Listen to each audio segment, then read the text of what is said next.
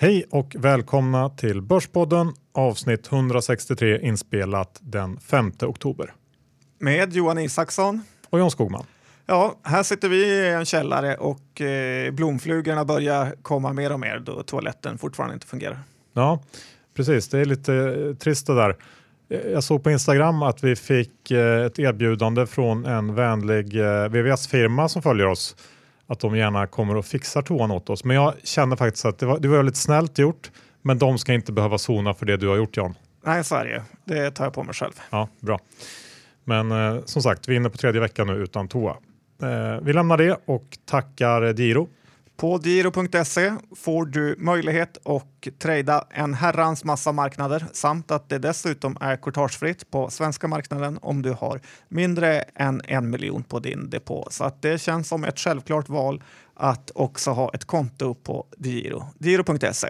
Ja, och nu skulle vi egentligen pusha lite för eh, eventet vi har med Lendify om Marketplace Lending den 25 oktober men det är mer eller mindre fullsatt. Det kanske finns någon liten plats kvar. Man kan gå in och kolla på lendify.se snedstreck eventborspodden och försöka. Men jättekul att så många är intresserade.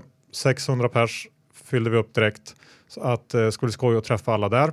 Ja, det kommer det bli och jag tycker ju att eh, ni kan signa upp er på ett eh, konto hos Lendify så ni lite mer vet vad vi kommer prata om och eh, dessutom så ger det ju relativt bra avkastning att eh, ha konto med peer-to-peer lending eller marketplace lending som det också kallas Johan. Så är det, in och signa upp er. Vad ska vi snacka om idag Jan? Idag är det ju så att H&M har varit ute och rapporterat ytterligare en besvikelse. Vi har ju Ericsson med ett pinsamt eh, sparpaket och eh, sen har vi ju många andra gosigheter. Ja, precis.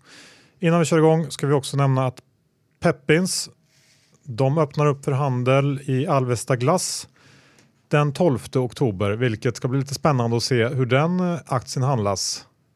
Ja, det ska det verkligen bli. Den kom ju in här för inte alls länge sedan så att eh, onoterat med en lite noterad eh, twist är ju alltid kul och det har ju gått bra för Alvesta. Ja, precis.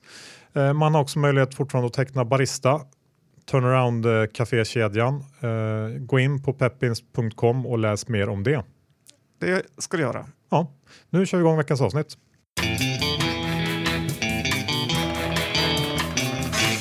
Johan, doktorn Isaksson.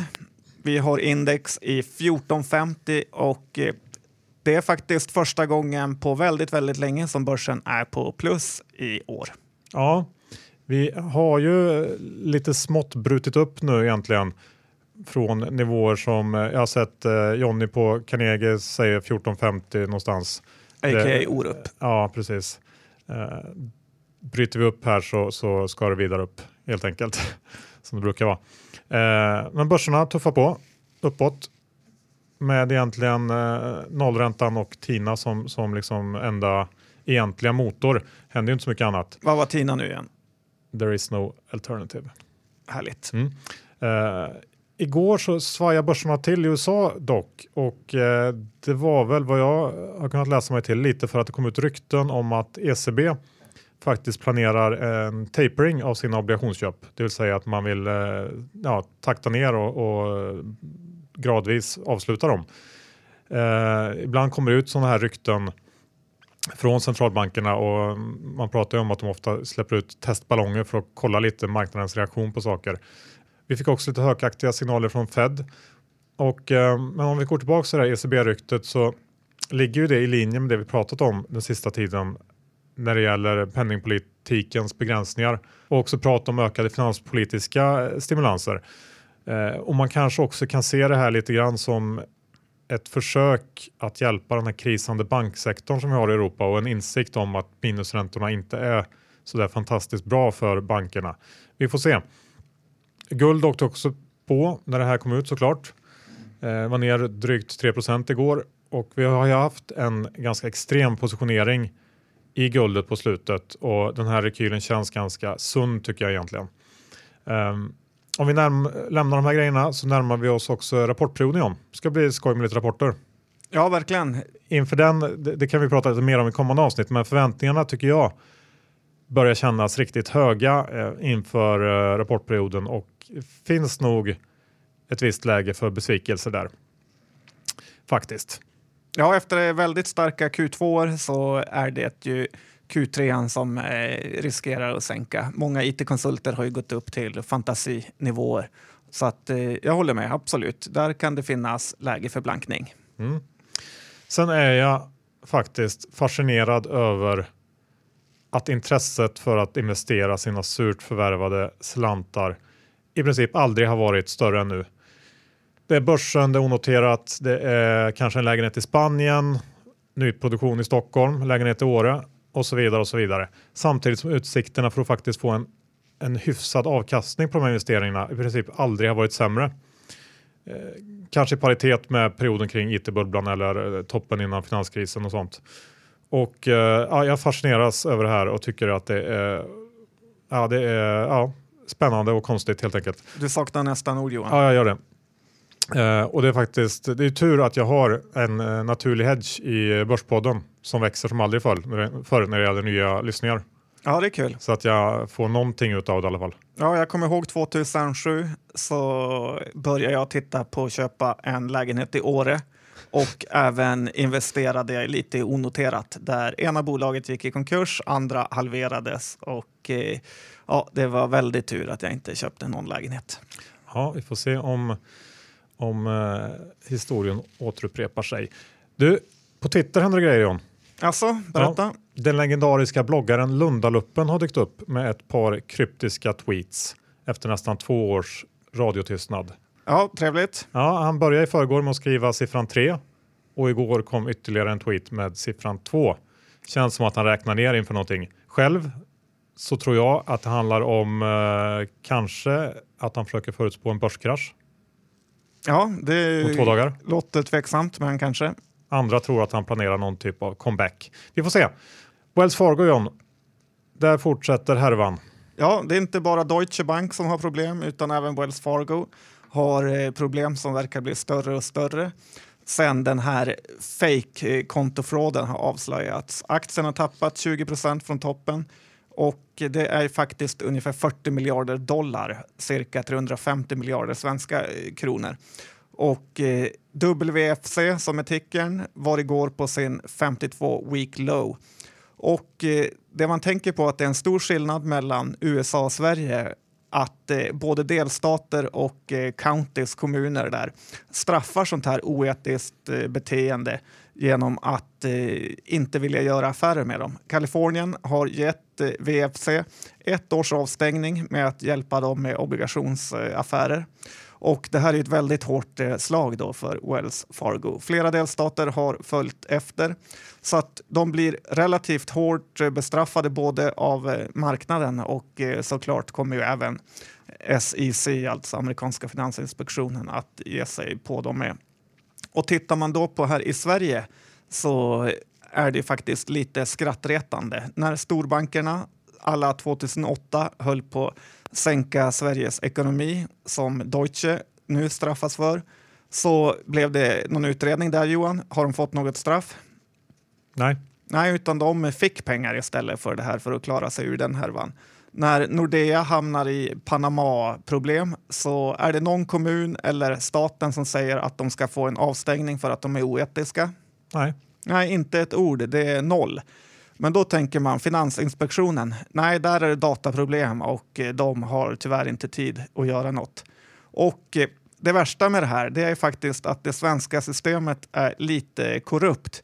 Vi har ju folk från banker och finansinspektion som byter jobb med varandra mest hela tiden och därför är det ingen som vågar göra något egentligen. Det skulle behöva en riktig Chuck Rhodes i Billion som verkligen ville göra lite skillnad och inte vara så mesig. Någon med en gnutta självrespekt, Johan. Och eh, som det är nu är det ju lönsamt för bankerna att begå vilka brott som helst egentligen. Ja, jag håller verkligen med. Upp med en svensk Chuck Rhodes ja. enkelt. Ja. Du, um, Ericsson också.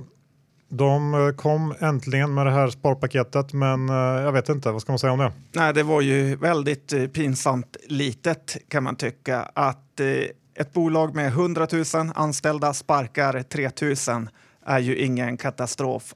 Att då politikerna ska åka dit och eh, försöka göra sig ett affischnamn och eh, ställa upp och starta kriskommittéer är ju väldigt underligt. De här it-konsulterna som eh, får gå kommer ju få ett nytt uppdrag på en timme i det här klimatet.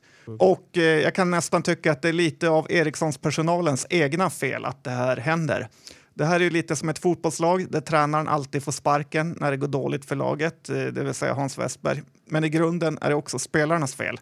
De anställda på Ericsson har under en lång period haft någon typ av grupptänk att de ska maximera allt de kan få ur bolaget och ge tillbaka så lite de kan till bolaget.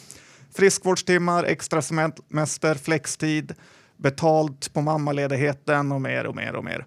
Och eh, det värsta är det som kommer nu, som man alltid hör när losers diskuterar sina jobb och chefer. Att de säger det är så himla dåligt skött.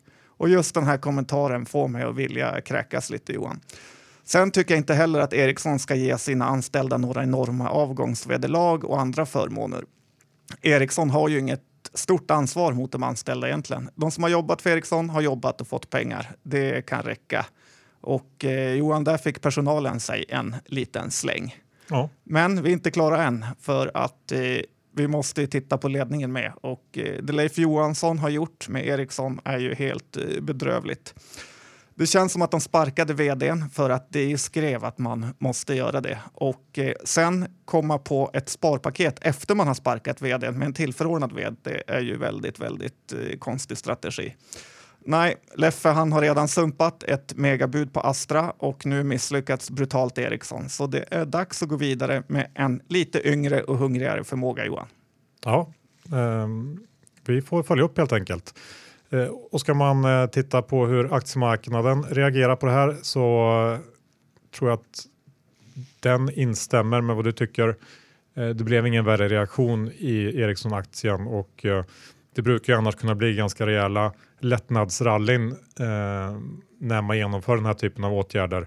Eh, så att eh, vi kan nog räkna med att det kommer fler och större paket. Nu går vi över till någonting mycket roligare. Dalspira och deras getmjölk. Ja, jag har ju börjat eh, handla lite getmjölk för att eh, testa vad eh, den går för. Jag gjorde mitt test på Coop Bromma Blocks, Johan. Just det. Ja. Och där pratade jag lite med personalen faktiskt för att få ur dem lite försäljningssiffrorna. Och det är ju så att eh, Dalspira levererar ett paket, eh, det vill säga 12 paket eh, 12 liter mjölk en gång i veckan till Coop Bromma Block som måste nog vara en av Sveriges största Coop-butiker. Och eh, varje liter kostar eh, 40 kronor, vilket är ju väldigt, väldigt dyrt. Eh, av de här 12 paketen, så när en vecka hade gått så hade de sex paket kvar. Så de säljer alltså mjölk på Sveriges största Coop för 240 kronor i veckan, Johan. Det är inte så att man blir supersugen på aktien när man hör det här. Nej, det här kommer ju såklart vara en helt omöjlig affärsidé. Det är tufft för Arlas bönder som är mega effektiviserade att eh, tjäna några pengar. Att kunna långsiktigt eh, sälja mjölk för 40 kronor litern som dessutom faktiskt är äckligare än vanlig mjölk eh, med ganska god marginal. Så nej, tyvärr kan vi inte göra annat än att sätta stay out från Dalspira för här kommer du inte att eh, göra någon hacka aktiemässigt i alla fall. Nej, och jobbar man på Dalspira då kanske det kan vara läge att surfa in på economicwork.se om ja, söka nytt jobb. Det kan man verkligen göra. Den här veckans hetaste jobb är ju ett jobb från Partner Fondkommission som söker två juniora personer och eh, en senior inom corporate finance. Ja, det är ju lite av ett drömjobb för många där ute med finansintresse. Ja, och eh, jobba på en korpavdelning innebär ju då att eh, man får vara med i IPOs, företrädesemissioner och ma transaktioner Ett väldigt spännande jobb om man är ung, hungrig och duktig på siffror. Dessutom på en firma med många seniora medarbetare där man kan lära en hel del. Ja, riktigt spännande. Gå in på Economic Work och sök det här jobbet helt enkelt. John, det är dags att snacka lite bolag. Ska vi gå på det största bolaget direkt, H&M? Ja, det beror på om du menar det största i Sverige eller största i Norden. Största i Sverige tror jag jag väljer. Ja, Ja. Novo Nordisk kan vi ta senare. Ja. Ja, berätta, vad har hänt? men H&M, precis. Eh, rapport förra veckan. Rapporten i sig var väl hyfsat inline eh, för deras tredje kvartal. Um, det man kan säga är väl kanske att uh, lagernivån ökar ganska mycket uh, i det här kvartalet så att vi kommer antagligen att få se uh, mer rea under fjärde kvartalet än vad man har räknat med tidigare och jag har sett att vinstprognoserna i marknaden har kommit ner någon procent till efter rapporten. Jag såg att SCB räknar till exempel med en vinsttillväxt i det fjärde kvartalet på 7% nu jämfört med 28 procent som man räknade med för bara fyra månader sedan. Så att marknaden har sänkt förväntningarna ganska rejält eh, sista kvartalet när det gäller Ericsson. Ehm, nu räknar analytikerkollektivet istället med att vinstlyftet ska komma under 2017. Någonstans 15-20 procent i vinstökning eh, är förväntat och det här ska då drivas av egentligen en mix av minskade investeringar, en ökad bruttomarginal och det kanske viktigaste försäljningstillväxt i befintliga butiker. Och eh, det är ju det här som är nyckeln. Eh, och de, den skrala tillväxten i befintliga butiker har ju också varit eh, en riktigt stor orsak till marknadens oro sista året och i förlängningen då aktiens kassautveckling. Och det här återspeglas väl delvis också i värderingen kan man säga. I alla fall om man jämför med hur H&M har värderats historiskt. P 21-22 någonstans för innevarande år och eh, det här förväntas sjunka till P 18 2017 vilket faktiskt är lägre än på väldigt många år. Och in, jag tror att det är i paritet med den värderingen vi såg 2009. Eh, men som sagt, försäljningen John, det är det viktiga. Butiker kontra nätet. Eh, jag har ju tidigare varit inne på att jag tycker att kombinationen av näthandel och butik borde vara det ultimata. Och när jag tänker på det så tycker jag fortfarande att det känns eh, attraktivt. Men samtidigt så kommer jag på mig själv med att köpa allt mer kläder på nätet.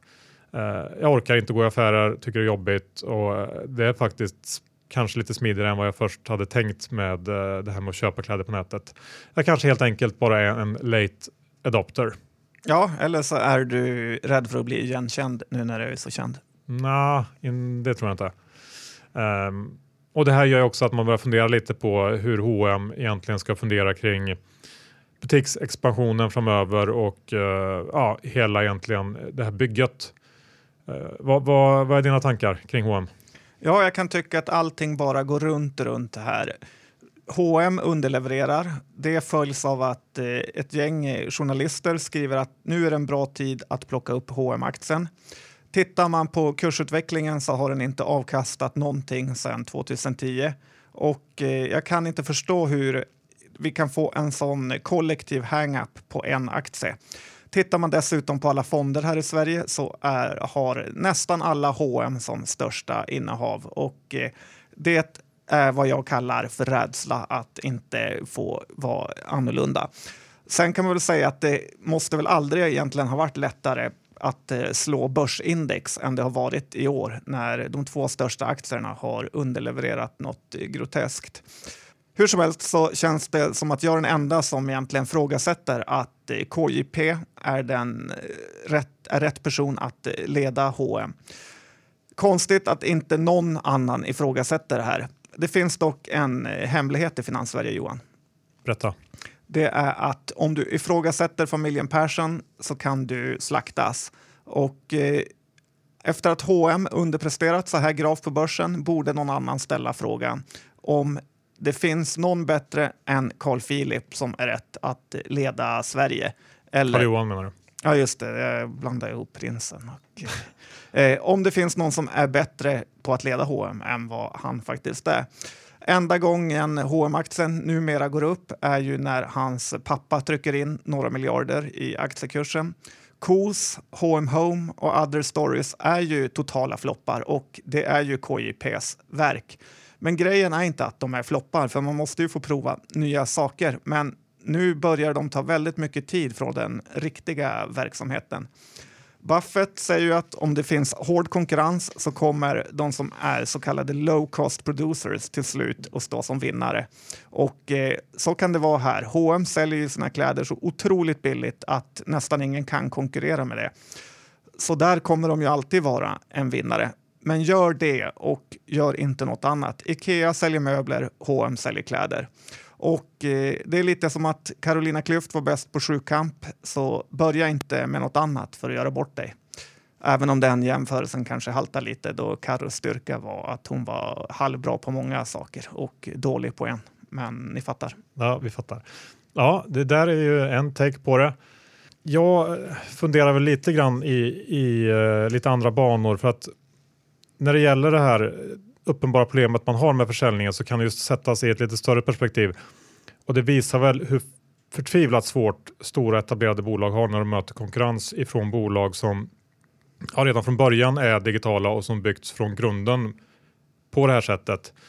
Uh, för trots liksom väder och, och valuta mot vind så är det svårt att bortse från att näthandeln Eh, och hur den påverkar folks eh, shoppingvanor måste ha, ha mm, liksom påverkat H&M sista åren. Och det är också slående hur bolag som från början inte byggt sin affärsmodell efter det här har problem med att i efterhand lägga till de här komponenterna och kunna konkurrera. Eh, Zalando har ju till exempel varit en, eh, en riktigt framgångssaga eh, sista åren. Man har en liksom kostnadsstruktur, organisation, distribution, eh, affärssystem och så vidare som är helt annorlunda och det gör det så mycket svårare än man tror att komma ikapp och, och bara lägga till det här. Sen är det ju så att retail var ju också på många sätt en av de första branscherna som eh, digitaliserades.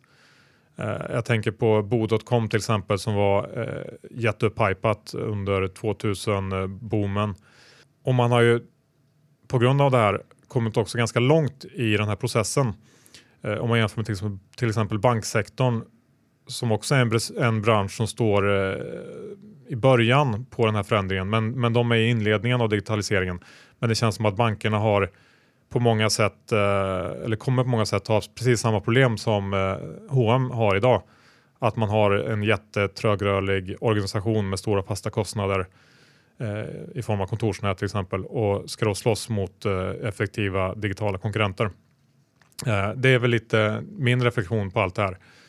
Hur man nu ska göra med H&M om den är köpvärd eller inte, det är ju en annan sak kanske och jag tycker nog ändå att det börjar bli intressant. Men uh, ja, det, det, efter den här rapporten så kommer det heller inte gå särskilt snabbt uppåt så att man behöver nog inte kasta sig in i den här aktien. Tror jag. Ja, köp från dig, sälj från mig. Ja, köp och avvakta kanske. Något sånt. John, vi går vidare till uh, Nordens största bolag istället. Novo Nordisk. Eh, och eh, det här är aktien där i princip alla gjort bort sig, förutom jag Johan. För jag har erfarenhet av det här. ja, okej. Okay. Nej, men det är faktiskt så här att vissa saker, eller ganska många saker, upprepar sig gång på gång på börsen. Och, och Novo Nordisk har haft en ypperlig tid på vår kära aktiemarknad i Danmark och alla älskar den. Hörde vi inte minst när Carmignac var här för några veckor sedan som gäst.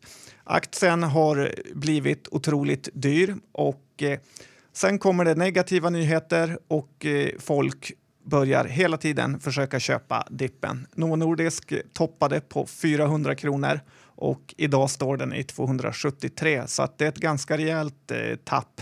Och det här beror på att tillväxten kommer avta och eh, det har blivit mycket, mycket hårdare konkurrens eh, främst, främst i USA.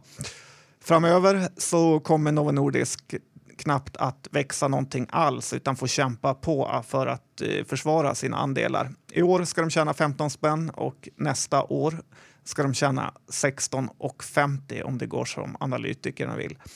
Alltså har P-talet gått ned eh, ganska rejält från långt över 20 till ungefär 17. Eh, det här påminner mig ganska mycket om när Astra hamnade i sin negativa spiral 2007 då de gjorde ett katastrofalt uselt köp i 100 miljardersklassen av Medimune. Då stod aktien över 400. Den började gå ner till 370. Sen kom det mer och mer negativa nyheter och folk eh, blev oroliga för tillväxten och sa att eh, de inte kommer tjäna alls lika mycket pengar framöver. Aktien bottnade på 225 spänn innan det vände. Novo Nordisk är lite i samma skede och man känner på aktien att den är väldigt skör. Kommer det några fler dåliga nyheter så kan den verkligen rasa. Många har eh, laddat på rejält med aktier på den här dippen när den kom ned från 380 till eh, 300 på bara några dagar. Så tyngdkraften är väldigt tung i den här. Läkemedelsbolag är segdragna historier, kanske mest för att de är så enormt eh, stora. Novo Nordiskt börsvärde är på 700 miljarder danska, eh, vilket är väl ungefär över 900 miljarder svenska. Alltså by far Skandinaviens största bolag. Och sen finns det en hel del klyschargument eh, som man hör att alla i västvärlden blir fetare och eh, jag tror nog att det kommer gå ganska bra för Novo Nordisk och så vidare och så vidare. Men grejen är att alla andra har upptäckt det här området med diabetes och det är inte alls säkert att Novo Nordisk kommer ha den bästa diabetesmedicinen framöver bara för att de har haft det tidigare. Nej, jag har inte så mycket att tillägga där. Jag eh, kan dessutom det här området lite för dåligt och just det här med ny ny konkurrens och, och ja, att saker och ting förändras i den bilden gör det lite lurigt tycker jag. Så att, eh, utan att eh, kunna någonting så låter det som att eh, jag också skulle avvakta. Ska vi gå in på lite mindre aktier istället och lämna de här stora jättarna John. Ehm, Catena Media slog till med ett nytt förvärv i veckan. De köpte en affiliate i England kasinooperatör på något sätt? Ja, affiliate, uh, affiliatebolag. Man driver ju trafik till kasino. Man driver kunder till, till nätoperatörerna uh, helt enkelt, speloperatörerna på nätet. Trafikdrivaren? Ja. Man köpte på fantastiska ev-ebit 3,5 och värderas för själva på innevarande år till ev-ebit, jag vet inte, 20 kanske något sånt. Och jag vet inte om det bara är jag, men jag tycker att det är lite märkligt hur man kan köpa drösvis med eh, bolag som man egentligen eh, betalar mer eller mindre ingenting för och själva värderas riktigt, riktigt högt. Eh, varför vill alla de här entreprenörerna gladligen sälja sina bolag till Catena för eh, brödsmulor John? Kan du ja. svara mig på det? Om jag säger Indutrade adtech-argumentet, att man plockar in det i ett större skal, så har vi inte samma affärsmodell där? Jo, absolut. Det är ju den här, eh, det här multipel-arbitraget, att man köper någonting billigt och så stoppar man in det i sin, sin eh, börsnoterade kostym och så får man eh, vips dubbla värderingen typ. Um, och i de bolag du nämnde så är, har ju de en väldigt erfaren organisation när det gäller det här och Dessutom kanske många gärna, jag tänker mig att många 40-talister eller um, folk som har drivit sitt industribolag i många, många år vill sälja till en, en trygg hamn och att det också spelar in. Dessutom så tänker jag också att värderingsskillnaden är inte lika extrem i, i de här fallen som de är i eh, Catenas fall. Jag vet inte riktigt eh, om det bara är så att de verkligen har hittat guld och gräver för fulla muggar eller om det finns någonting annat i bakgrunden som gör att man ändå ska vara lite tveksam. Jag lutar ju som alltid åt det lite mer tveksamma hållet. Eh, men eh, ja, det blir intressant att följa eh, vad som kommer att hända här. Som det ser ut nu är det i alla fall full fart i förvärvsmaskinen Catena. Um, ska vi gå vidare till ett annat bolag som många gillar, Storytel? Ja, innan du går vidare kan jag väl bara säga att jag är väldigt säker på att vi kommer se en placing snart i Catena Media. Ja, det kan nog stämma. Jag gissar att det finns en hel del Eh, storägare och grundare som vill casha in lite där. Storytel i alla fall, de skickade ut någon slags omvänd vinstvarning eh, igår, vilket ju är skoj. Men jag såg också att det var många på Twitter som ifrågasatte om det verkligen var befogat där. Och det här byggde på att eh, Storytel, de hade guidat för att man skulle ha totalt sett 335 000 annons, eh, abonnenter. Eh, i slutet på det här kvartalet och att man kom in på 341 tusen.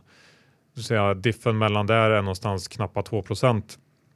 Eh, jag vet inte om det är fair att räkna riktigt så, för eh, man borde kanske utgå ifrån ökningen istället och de hade i så fall guidat eh, för en ökning på 43 400 och kom in på 49,9. Det är ju en ökning på, på 15 procent. Men det här väcker väl ändå kanske mm, frågan kring när det är befogat att gå ut med vinstvarning respektive omvända vinstvarningar. Och tittar man på vad Nasdaq skriver på sin hemsida så säger de att om bolaget inser att man substantiellt kommer att avvika från prognosen uppåt eller neråt, då ska bolaget offentliggöra informationen till marknaden. Eh, det är ju en gråzon. Vad är substantiellt John? Vad tycker du? Svårt att säga, men det är väl bara att läsa pressmeddelandet själv så får man bilda sig en uppfattning. Ja, men tycker du att 15 procent eh, eller om vi nu säger att 15 procent var, var det som var eh, överträffande graden i eh, Storytel, är det nog för att skicka ut en omvänd vinstvarning? Det kändes ju lite håsigt av dem att eh, försöka med det här så att eh, här skulle jag ge dem ett fail. Ja, det tycker jag faktiskt också. Men eh, intressant fråga och det finns inget eh, svart eller vitt eller rätt eller fel riktigt när det gäller det här. Förutom att Storytel är övervärderat. ja, vi går till eh, MyFCon. Ja, det ska vi göra och eh, det här är ju ett eh, av börsens eh, mest värdelösa bolag i min bok. Den handlas nu 10 kronor, det vill säga en 50 i nedgång från när vi började bäsa den. Den här aktien är ju i min bok eh, värd noll, men eh, en halvering är alltid något. Och det här Johan får mig att tänka på vår kära vän eh, Buffett, eh, vad han brukar säga, att det är mycket lättare att säga vad som inte kommer fungera än vad som kommer fungera. Och tittar man en bransch eller hittar en bransch eh, som kommer växa så är det absolut inget eh, säkert kort på att det kommer bli en bra investering. Warren brukar prata om det här med bilindustrin, att när man först förstod att bilarna var på väg att nå framgång så hade man lätt kunnat säga att det är här man ska investera sina pengar. Men det var ju väldigt fel, för av de alla hundratals biltillverkare som fanns så är det i princip ingen som överlevde ens tio år men det man däremot kunde förstå, Johan, det var att häst och vagn skulle dö. Så på bara några år så försvann i princip flera miljoner hästar och all business som rörde det gick också under. Och det här är ett fenomen man kan se hela tiden. IT är hett kring 2000, men alla bolag kollapsar. Mobiler går från noll till att det finns flera miljarder och där går i princip alla bolag utom Apple dåligt. Vi har flygbolag, att alla börjar flyga, men flygplansbolagen går jättedåligt. Och eh, häromdagen så blev Blecher citerad i någon tidning där han visade en graf på att det i princip alltid lönar sig att investera i börsen. Men det är hyper man ska hålla sig borta ifrån och eh, teknikbolag. Ja, så är det. Och eh, jag kanske också måste klämma in en uh, liten notis om G5. Ja, det tycker jag. Dataspelsbolaget i Ukraina som eh, levererar som aldrig förr. Ja, precis. Jag har ju varit länge tveksam till bolaget, framförallt när det gäller deras förmåga att leverera kassaflöden. Nu har man faktiskt i alla fall levererat tillväxt på slutet. Man ökar tillväxttakten. Det kom eh, preliminära eh, siffror för intäkterna i Q3. Det var upp 31 procent. Aktien har eh, gått riktigt bra på slutet, upp 30 procent på en månad och 60 procent på tre månader ungefär. Nu är det ju upp till bevis för G5 eh, när rapporten kommer i fråga om marginal och resultat och kanske framförallt kassaflöde. Och eh, ja, det ser väl ut lite grann som att eh, doktorn är halvt nedslagen i den här fighten. Men vi får se.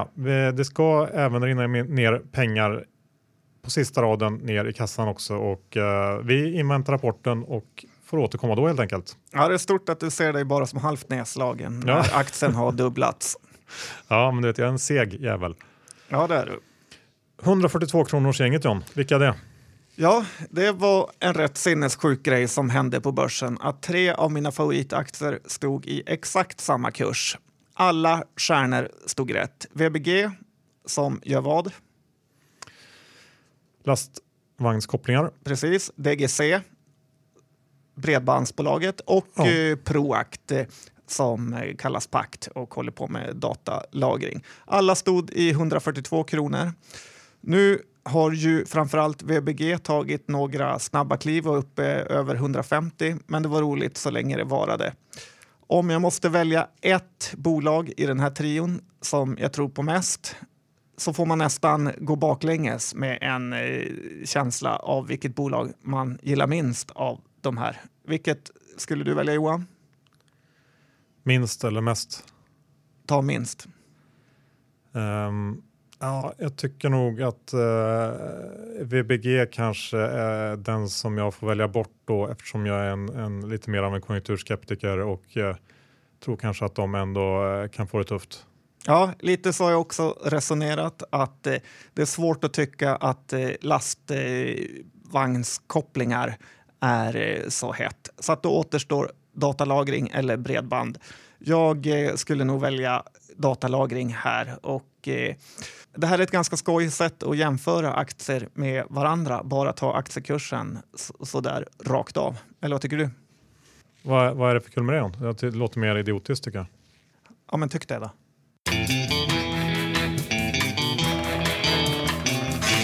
Sådär, då var veckans avsnitt slut. Glöm för guds skull inte gå in på economicwork.se och eh, sök jobbet från Partner Fondkommission. Nej, den snabbfotade finansfirman Partner Fondkommission söker två juniora medarbetare och en senior inom corporate finance.